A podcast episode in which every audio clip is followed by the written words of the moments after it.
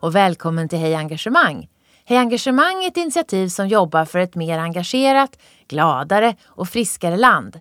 Vi vill att människor ska få möjligheten att jobba med saker de brinner för.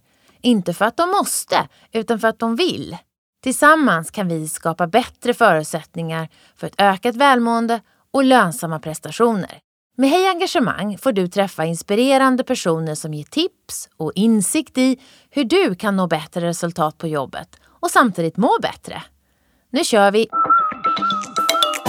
Hej och varmt välkomna alla härliga lyssnare som hör av sig med feedback till oss. Det gillar vi. Och kul att vi är nästan 20 000 som gillar Engagemangspodden. Idag gästas vi av en ledare i toppen av det svenska försvaret. Vi ska prata om engagemang i en verksamhet som historiskt sett varit präglad av strikt hierarki och mycket regler. Eh, välkommen Eva Skog Hasslum. Tack så mycket för det. När folk frågar dig vad du jobbar med, vad brukar du säga då? Mm, det beror nog på vem som frågar. Eh, är det en civil person sådär, som kanske inte vet så mycket, då brukar jag nog börja med att bara säga att jag är militär. Så lägger man grunden. Vad säger de då? Jaha, säger de, så blir de väldigt nyfikna. Nej, men då kan jag fylla på att jag är officer i Försvarsmakten, jag är, har jobbat i flottan i 32 år och, eh, ja, och idag är jag vice rektor på Försvarshögskolan. Så att, får man fylla på det lite allt eftersom. Mm. Mm. Om det är någon eh, kollega inom försvaret? Mm, då kan jag nog gå mer rakt på sak och säga att jag är vice rektor på Försvarshögskolan. Ja, för ja. det är din, eh, din befattning. Ja, Men din for formella grad, heter det så, mm, är eh, flottiljamiral. Och du är den enda kvinnan i landet som, som har den eh, graden. Vad betyder flottiljamiral? Ja, det stämmer att jag är den enda. Det är en av de fyra eh, ska säga, nivåerna på amiralsgrader. I flottan heter det amiral och i övriga så alltså heter det general. Då, så det är samma sak. Så min motsvarighet på generalsidan heter då brigadgeneral. Så att då är man enstjärnig amiral och man kan gå upp till fyrastjärnig. Mm. Och du har på dig en, eh, för oss det är ju ett radioprogram det här, eh, du har en mörkblå eh, uniformsjacka och sen så har du en stjärna på en guldrevär. Men den sitter inte på axlarna utan den sitter liksom vid rebenen. Mm, visst är det konstigt. Det här är vår sjöstridsdräkt som jag har på mig idag. Och det är för att vi har inlett en övning alldeles nyss. Det är därför jag har på mig eh, den här uniformen. Annars så har jag mina gradbeteckningar på axlarna på min skjorta eller tröja. Mm. Och det har du alltid på dig på jobbet? Ja, mm. alltid på mig. Eh, så att du är ju framförallt vice rektor på Försvarshögskolan. Kan du berätta vad studenterna där pluggar för något? Försvarshögskolan är en helt vanlig civil högskola. Men vi är ju då eh, den i landet som utbildar officerare. Så att hälften av våra studenter är faktiskt civila. Och läser statsvetenskap och krigsvetenskap och militärhistoria och ledarskap. Men sen har vi ju då militära studenter också som läser tre år på officersprogrammet med huvudinriktning krigsvetenskap, eller nautik eller militärteknik. Och sen har vi då även utbildningar, vidareutbildningar då, eh, för officerare. Mm. Och vad, vad kan de handla om? De vidareutbildningarna det är en mastersutbildning i krigsvetenskap. Som eh, man, man tar alltså ytterligare sina eh, poäng då i krigs, 120 poäng i eh, master. Då. Eh, och du leder ju tillsammans med rektor utvecklingen av utbildningen. Inte minst vad det gäller liksom vad ni vill att de framtida officerarna ska kunna och vad de ska ha för förmågor. Vad är det för ledare ni vill utbilda?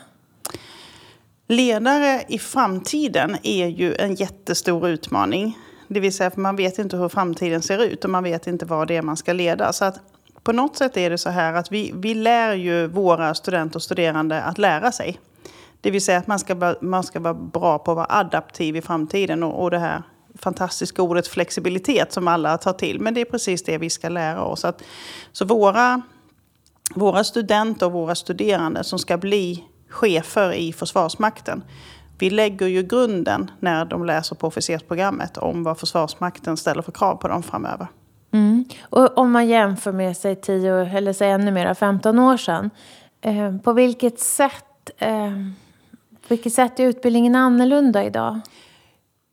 Då lärde vi eh, på ett helt annat sätt. Alltså, för tio år sedan så beslutade regeringen att utbildningen skulle vara akademisk. Bara, bara det att gå in en, i en akademisk kvalitetssäkring gör ju att systemet är mycket mer robust idag.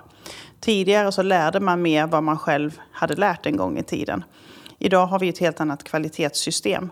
Men om man tänker på innehållet så formar vi innehållet i utbildningen tillsammans med Försvarsmakten. Så det är egentligen Försvarsmakten som tillsammans med oss bestämmer vad är det för krav vi ställer på framtidens officerare. Mm. Och det är just det här med att omvärlden ser så eh, oerhört eh, ska säga, mångfacetterad ut. Och det är ju den utmaningen som ledare hos oss ställs inför. Det vill säga, vi vet inte vad det är vi ska leda i, för vi, i vilken miljö vi ska kunna leda i. Handlar det om beslutsfattande på lång sikt med väldigt mycket osäkerhet och komplexitet? Eller vad är det för adaptiva förmågor som ni vill träna i den här utbildningen? Dels är det självständighet hos chefer. För att när man ska fatta beslut så har man inte alltid tillgång till Eh, hela ska jag säga, informationsfloran. Eh, det kan ju vara så att man ska fatta beslut på extremt bristande information. Och det är snabba beslut. Dels måste vi kunna ha chefer som, som kan det. Men vi måste också ha chefer som kan bygga långsiktighet och ha en, en långsiktig prognos på vad Försvarsmakten faktiskt ska kunna. För att det, det är väldigt svår organisation. Vi, vi är 20 000 kontinuerligt anställda i Försvarsmakten. Det är en organisation som är rätt svår att ändra kursen på snabbt. Och det ska man inte kunna göra heller. Men, men att, att svänga pendeln fram och tillbaka Eh, det går inte med den här organisationen och ska heller inte kanske fungera på det sättet. Så därför gäller det att vara väldigt varsam i de stora förändringar man gör. Så vi måste ha chefer som kan ha den ska säga, intellektuella spänsten. Mm. Att faktiskt kunna fatta både de här snabba, korta, men även långsiktiga och, och varaktiga besluten. Det gäller ju alla chefer idag, oavsett vilken verksamhet man jobbar i, känner jag efter att ha intervjuat så många mm. ledare och chefer.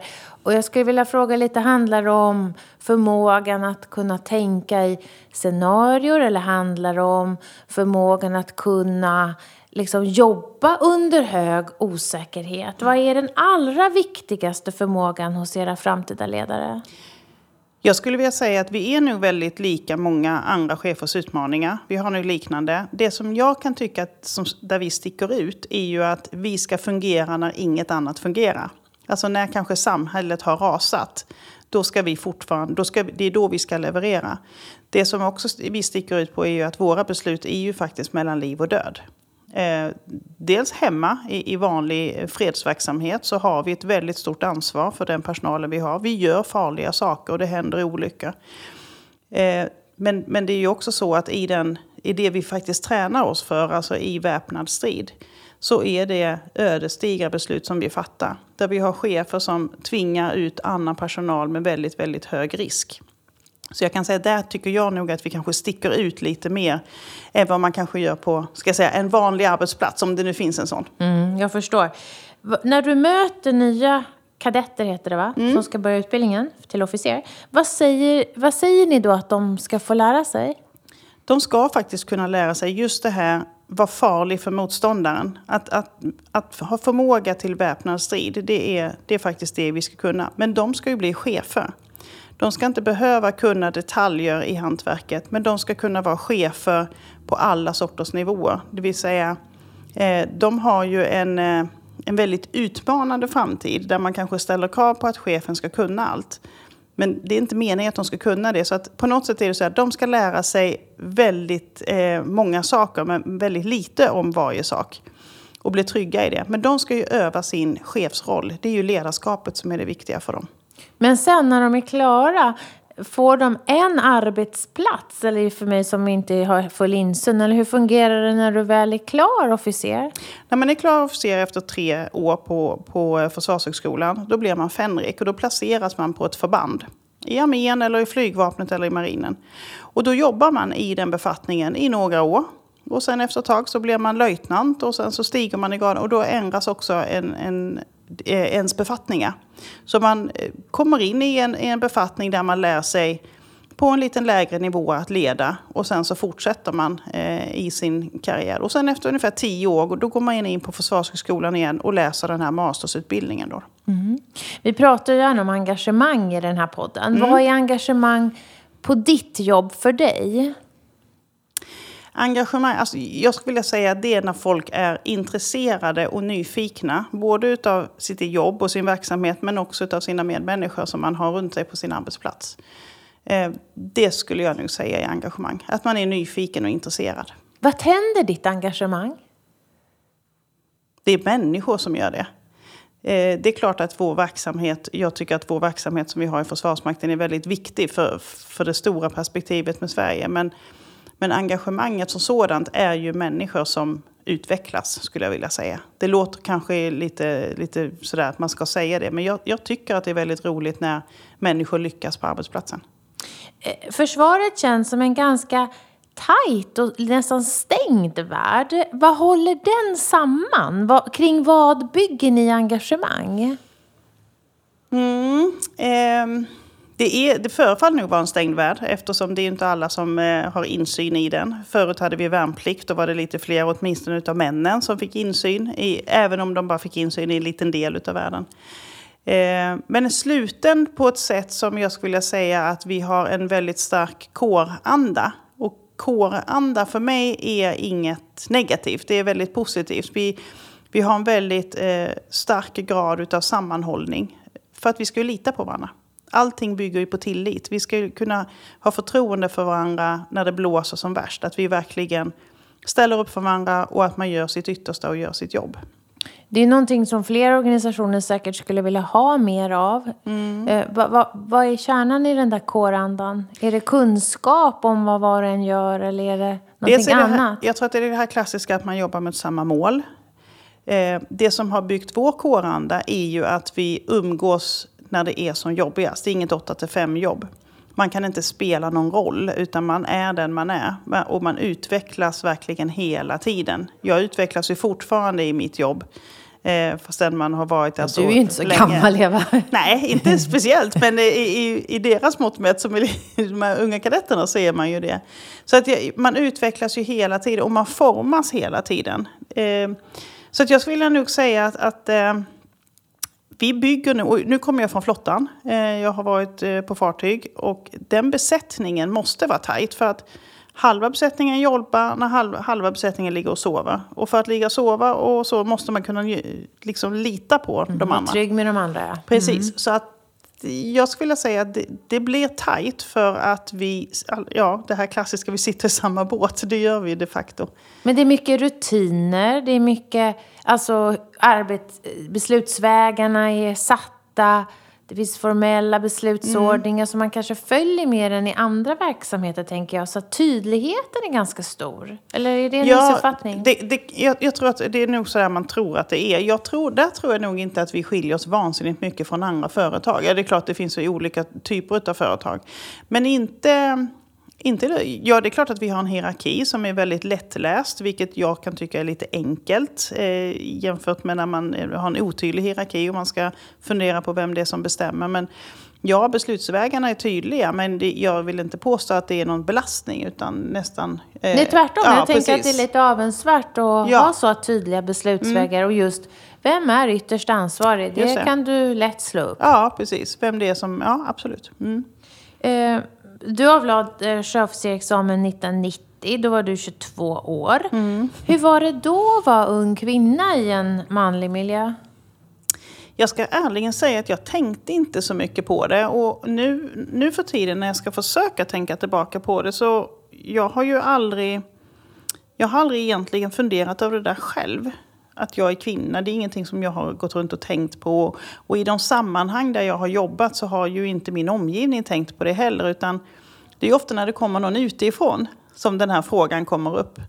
Eh, så jag vet inte, jag, jag, var så beslutsam redan tidigt att jag skulle bli officer och så vidare. Så att jag, eh, jag har väl fostrats in i den där miljön. Jag har inte tänkt på det speciellt mycket mm. faktiskt. Och nu är du 50-årig kvinnlig toppchef i en fortfarande ganska manlig miljö. Vad är mm. den stora skillnaden eh, i miljön och, och, i synen på att du ändå är... För du är ju ganska unik. Mm. Det finns ingen annan med den gradbeteckning som du har. Du har gått väldigt långt, om man får säga ja. så, inom den här organisationen. Mm. mm.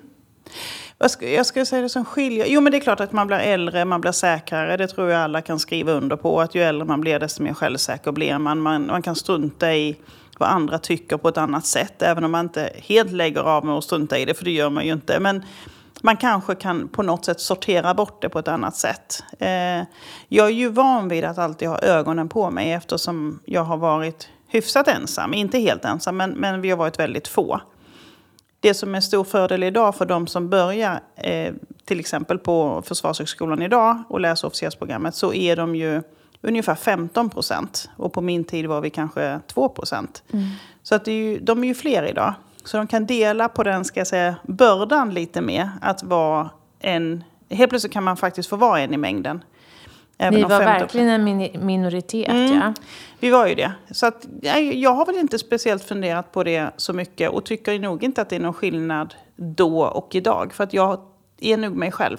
Jag tror att de, de som känner mig skulle nog beskriva som att jag är mig själv. Så. Du har ju haft eh, flera uppdrag. Du har jobbat som fartygschef, du har alltså varit ute på sjön mycket. Mm, mm. Och du har också varit till exempel i Libanon på en fredsbevarande styrka. Vad har den här praktiska erfarenheten på sjön lärt dig om ledarskap? Mm, det är väl där jag har lagt hela min grund, skulle jag vilja säga, till ledarskapet. Jag, jag älskar ju... Jag, får ju ofta frågan vad vill du göra sen? Och då säger jag jag vill ut till sjöss igen. För att det är på något sätt där man trivs. Eller jag trivs som bäst där ute. Jag tycker att det är roligt. Det gör jag med. Ja, det är kul att tillhöra en besättning. Man ingår i ett sammanhang på ett annat sätt. Eh, så att jag skulle vilja säga att man har verkligen danats. Jag gillar ordet danas. Att man danats in i varandra på något sätt. Man har ju verkligen fått gnugga av de här vassa kanterna på en själv. För att annars funkar man inte i en besättning. Utan man måste på något sätt ge och ta hela tiden. Och den här självuppoffringen som man får göra många gånger när man är till sjöss. Tycker jag är någonting som man får en sån... Det blir en tillbakabetalning på det sen. När man är i en besättning som verkligen funkar. Där folk ställer upp för varandra. Mm. Vi säger ju i många verksamheter att det är så viktigt att vara ute i verkligheten. Och, på, och vi ska ut i verkligheten. Tycker jag är så ja, talande. För att här sitter vi här inne. och, och i din roll i, så är ju du en sorts roll mellan, äh, länk mellan Försvarshögskolan och Försvarsmakten där du för in din långa erfarenhet från att vara ute i verkligheten. Mm. Eh, och, och, många som lyssnar på vår podd är HR-chefer och utbildningsansvariga som gärna vill veta mer om hur man liksom verklighetssäkrar eller verklighetsförankrar utbildningsinsatser. Mm. Hur tänker du här? Där har ju vi på Försvarshögskolan en jättestor fördel. För en fjärdedel av vår anställda personal kommer ju från Försvarsmakten. Så vi har officerare som kommer till oss och jobbar som lärare eh, kort tid eller lite längre tid. Det vill säga, där kommer ju verklighets, alltså professionsperspektivet verkligen in. Sen har vi ju då personal som jobbar hos oss som forskare och är civila och så vidare. Och de har ju ett annat verklighetsperspektiv då. Och jag kan tycka att de här två världarna är så fantastiska när de möts. Eh, professionsperspektivet och det akademiska perspektivet. Så att verkligheten kommer verkligen in till oss. Plus att våra studenter då, eh, två terminer utav det treåriga programmet, så är de ju på någonting som kallas för verksamhetsförlagd utbildning. Ungefär som när man läser till läkare, så är man då praktiserar på, på sjukhus. Mm, sin AT-tid. Ja, mm. och, ja, och även innan det. Och, så att jag menar, de... Man kan ju, våra kadetter åker ju då ut till förband och till skolor och får utbildning och praktik där. Så att det blir väldigt verklighetsnära. Så att från att sitta i skolsalen och lyssna på föreläsningar eller skriva uppsatser och tentamen så är de ju faktiskt ute i verkligheten och deltar i övningar och får praktisera. Eh, och eh, vi vet ju att vi lever i en digital tid där vi kan integrera digitala verktyg i utbildningen. Mm. Hur har ni tänkt kring det? Vi försöker hänga med så gott det går. Jag tror också att universitetsvärlden är väldigt, eh, jag ska inte säga statisk, för det är den absolut inte, men, men det är ju fler hundraårig tradition. Och många har varit lärare en längre tid och det är kanske svårt att ställa om det här flexibla lärandet till exempel som vi pratar om. Hur, hur vill man som student lära sig idag? Och inlärningsmetodiken ser så annorlunda ut för olika individer. Vissa tycker att det är bra att sitta och lyssna på en föreläsning. Vissa vill ta del av föreläsningen digitalt innan. Eh, vissa vill ha seminarium och så vidare. Så det här är ju någonting som kan vi ni verkligen... möta de behoven idag? Mm, vi försöker ju anpassa oss så mycket som möjligt. Men det är också väldigt svårt att som högskoleledning peka på att så här ska vi göra. För att det är ju också så att lärarna själva måste driva den här pedagogiska utvecklingen framåt. Eh, så det är en utmaning, men vi, vi försöker men ni kan, förlåt, ju... Abet, men ni kan väl vara med och utforma pedagogiken Absolut. och säga att forskning visar, till exempel flippat klassrum, att ja. man tar del av Precis. föreläsning först, ger bättre... Ja. Och vi har resultat. ju, dels skapar vi förutsättningarna. Vi har byggt om lite klassrum som vi just gör som flippat. Och eh, just det här med att uppmuntra till exempel att spela in sina föreläsningar så att de finns lättillgängliga. Det kan ju vara så att man är sjuk eller man är hemma och vabbar eller något liknande. Tidigare som eller vi... behöver ta in det två gånger. Absolut. Men tidigare var det ju så att då, då, missade man den föreläsningen. Men nu kan man faktiskt få vara med. Så att på något sätt höjer det ju gruppens resultat.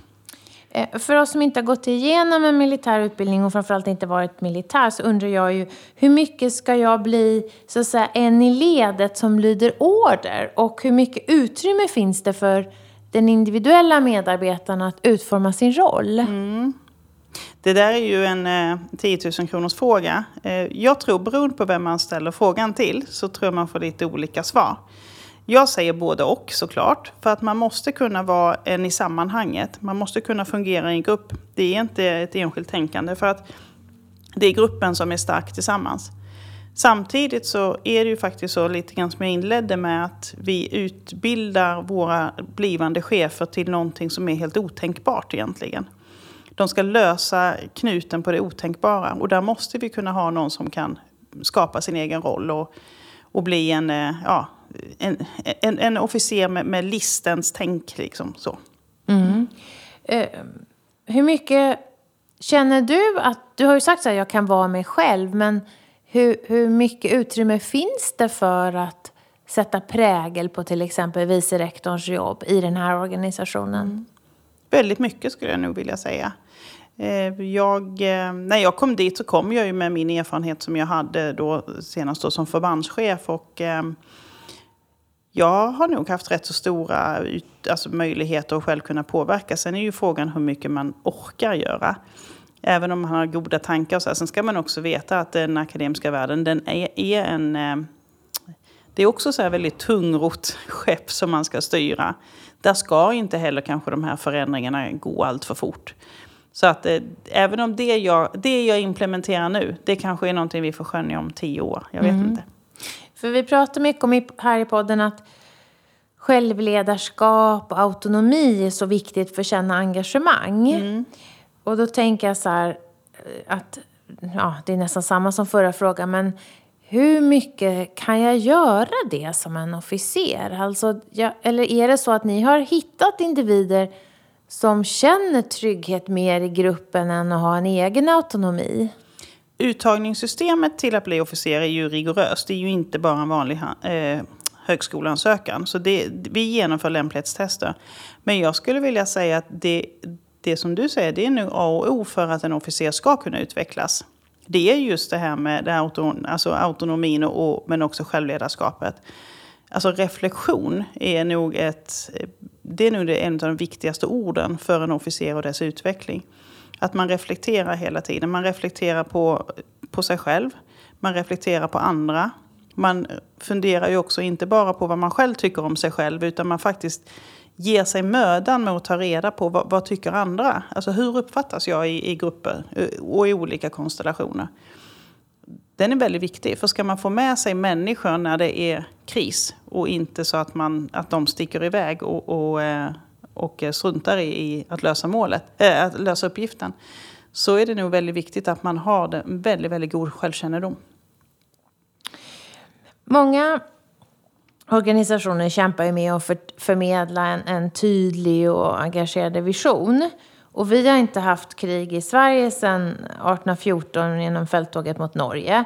Hur motiverar eh, ni i en försvarsmakt där man kanske aldrig kommer hamna i det här skarpa läget som all utbildning och all aktivitet går ut på att ändå träna för? Mm.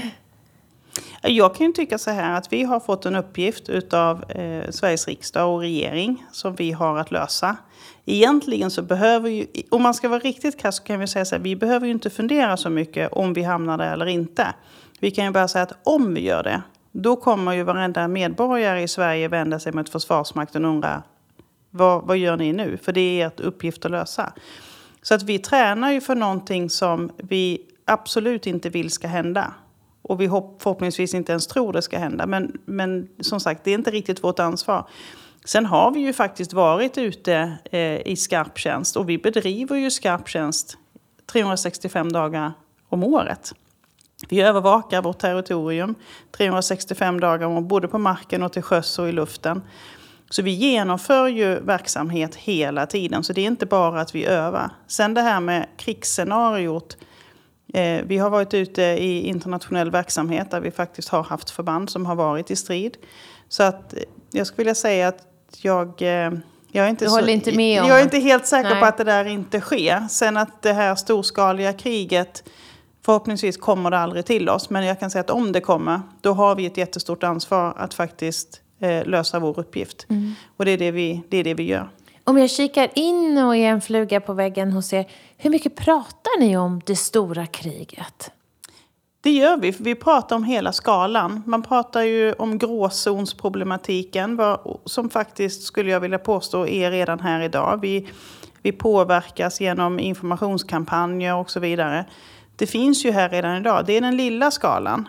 Eh, och sen så kan det ju då lite sömlöst skalas upp då till just det här stora kriget. Så det är klart att vi pratar om det.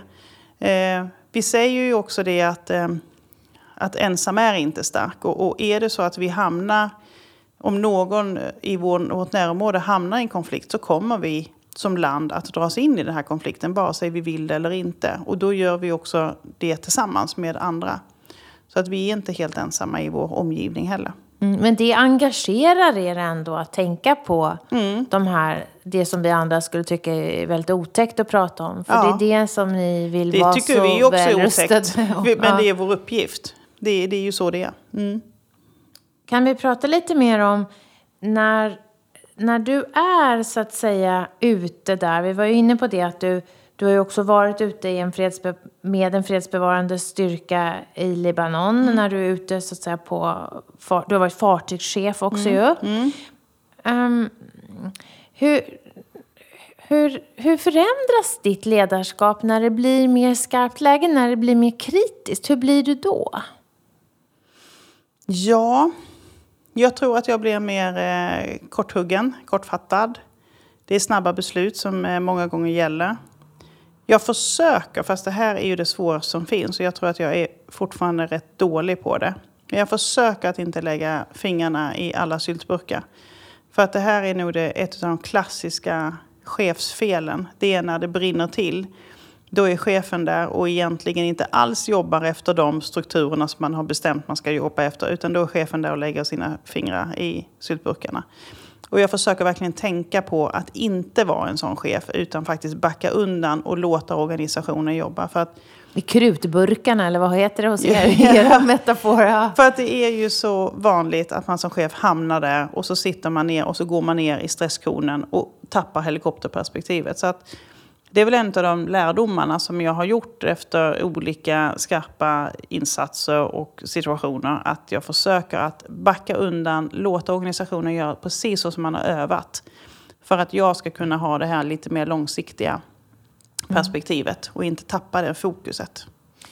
En av anledningarna till att vi ville att du skulle komma idag är just att vi möter många organisationer där det är hög otydlighet och en, en och det är snabba beslut. Och då har man inte övat lika mycket som, som ni gör. Alltså, och inte heller reflekterat lika mycket som det låter att, som ni gör. Mm. För nu kan du titta tillbaka på just den här insatsen i Libanon 2007 och du kan liksom dra en slutsats kring vad ska jag göra mer av. Mm. Det här lärandet, är det du eller finns det inbyggt i organisationen?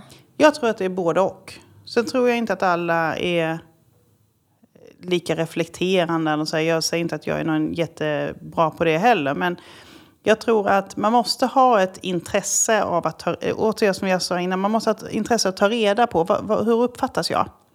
Att faktiskt bemöda sig om det, inte bara svara på frågan själv hur man vill vara eller vad man tror att man är, utan man verkligen måste ta reda på vad omgivningen uppfattar en som. Så det här med reflektionen är viktigt. Sen brukar jag också tänka, jag, min, den personalen som har jobbat med mig tycker att jag tjatar så väldigt mycket om det här med just det här what if. Att man som chef faktiskt kan sätta sig ner och så kan man tänka så här, vad gör jag om det här händer? Och så kan man måla upp olika scenarier i sitt eget huvud. Och träna? Och träna på, vad gör jag då? Och jag mm. gjorde det när, jag, till exempel, när vi var på väg ner till Libanon. Så kunde jag sitta i hytten och fundera ut så lite olika scenarier. Och så kom jag på, vad är mina fem första åtgärder när det här sker? Och så det tar ju en tid att åka ner till Libanon. Hur ja, lång tid tar det förresten? Det, skulle kunna gå rätt fort, men vi gjorde det på, på 14 dagar. Men då hade vi flera bunkerstopp och så vidare. Men, eh, mm, men du hann reflektera? Då hann jag fundera rätt mycket på de där frågorna som jag vill egentligen ha svar på. Och det var mycket så här, det kunde vara mjuka frågor också. Vad gör jag om någon i personalen eh, skadas eller beter sig illa eller något liknande? Då kunde jag fundera ut det redan innan. Vilket gjorde att när det där skedde så var det väldigt mycket enklare att och kunna agera. Ett jättebra råd. Vissa liksom fasta situationer pratar man ju om i sportens värld. Precis. Som ja. man övar och övar på. Ja. Mm. Och det här kan man ju egentligen fundera på i privatlivet också. Mm. Gör du det? Ja, mm. min man tycker nog att jag är världens domedagsprofet. Jag sitter alltid och funderar på allt hemskt som kan hända. Men så är jag också redo när det sker. du, du har um, stor tillit eh, och du beskriver att eh, organisationen har stor tillit till individens förmåga att fatta sunda beslut. Vad spelar tillit för roll för er utveckling? A och O skulle jag vilja säga. För har man inte tillit till varandra så funkar man inte i gruppen. Och funkar man inte i gruppen så kommer man inte kunna lösa den där uppgiften som man har satt upp. Eh, som är bestämt att man ska göra. För man kan inte göra den där själv. Och eh, har man inte tillit då är man kontraproduktiv. För då använder gruppen väldigt mycket energi till att förgöra varandra istället. Så det är inte bara det att man saknar tilliten utan man använder energin till att förstöra. Så det blir dubbelt dåligt. Mm. Vilken sorts ledarskap främjar tillit skulle du säga? Ja, man kan dela in ledarskap i olika former. För alltså, jag höll på att säga, jag, jag, den stora utmaningen kan jag tycka med ledarskap, om man tittar på det direkta ledarskapet, där man träffar sin personal i stort sett varje dag och man kan läsa av varandra. Eh, den typen ledarskap är ju väldigt enkelt att bygga tillit i. Förutsatt att man fungerar bra som person. Om du ser, kan se in i den andres ja. ögon till exempel. Ja. Det indirekta ledarskapet, där man faktiskt inte träffar, där man leder genom chefer den är mycket tuffare. ÖB har en organisation på 20 000 fastanställda och sen har han ju då ytterligare, så upp till 50 000. Där alla ska känna tillit till den högsta chefen. Eh, många av dem har ju aldrig ens träffat honom och vet ju egentligen inte vem han är. Och hur man då bygger tillit i en sån organisation, den är, den är tuff. Hur gör alltså. man? Eh, han möter ju väldigt många människor, men det är ju egentligen att vara väldigt fast i sin eh, i sitt budskap. Vad är det han vill uppnå? Och också se till att, att man får det som man faktiskt säger, eller att man gör det man säger att man ska göra. För det där synas ju. Eh, blossar man upp en massa fina visioner och sen så faller det där platt till marken några år senare.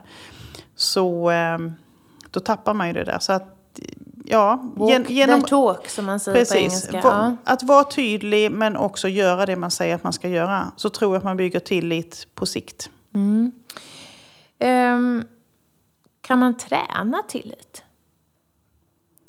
Kanske man kan. Um, jag höll på att säga, det är någonting som kommer av sig själv på något sätt.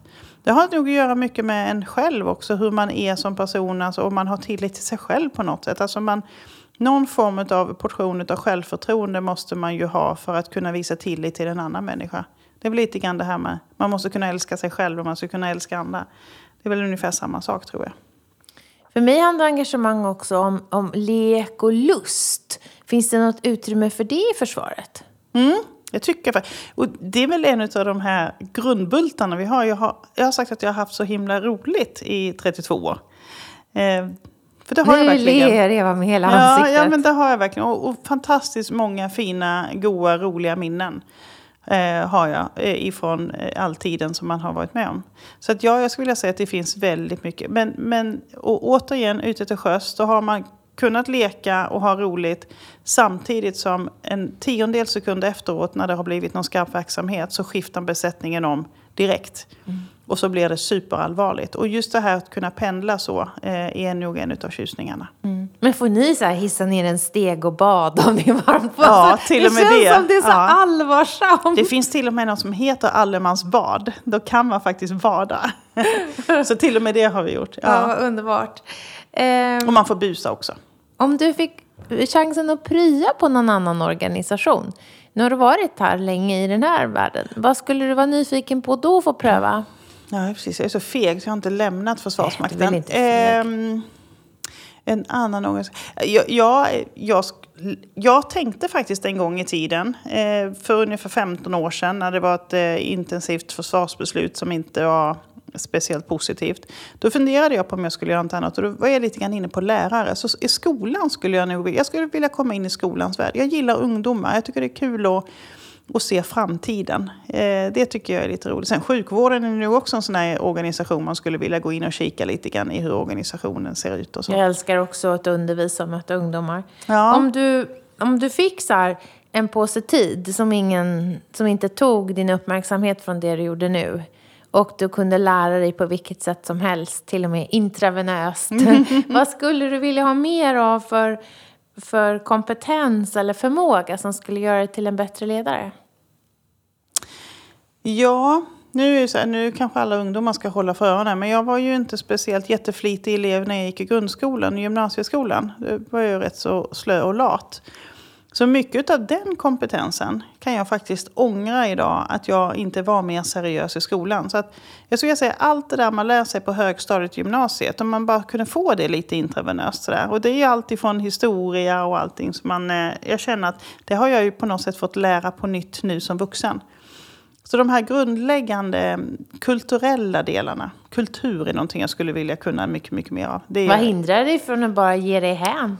Det, faktiskt är det så här att eh, jag ska faktiskt vara ledig i fyra månader nu. Jag ska ta ut all semester och dit till. Så att eh, jag ska faktiskt ägna mig åt den här typen av... Eh, ja, maj, juni, juli, augusti har jag nu. Men gud vad underbart. Ja. Läsa böcker och Precis. tänka. Jag ska, jag ska träna och läsa böcker. Ja. Många frågar om jag ska ut och resa. Det ska jag inte. Jag ska vara hemma, jag ska träna och läsa böcker.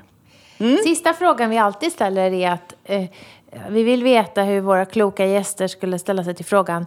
Om du var engagemangsminister för en dag, vad skulle du ägna den tiden åt då? För att höja engagemanget på svenska arbetsplatser, som är ju tyvärr så jättelågt.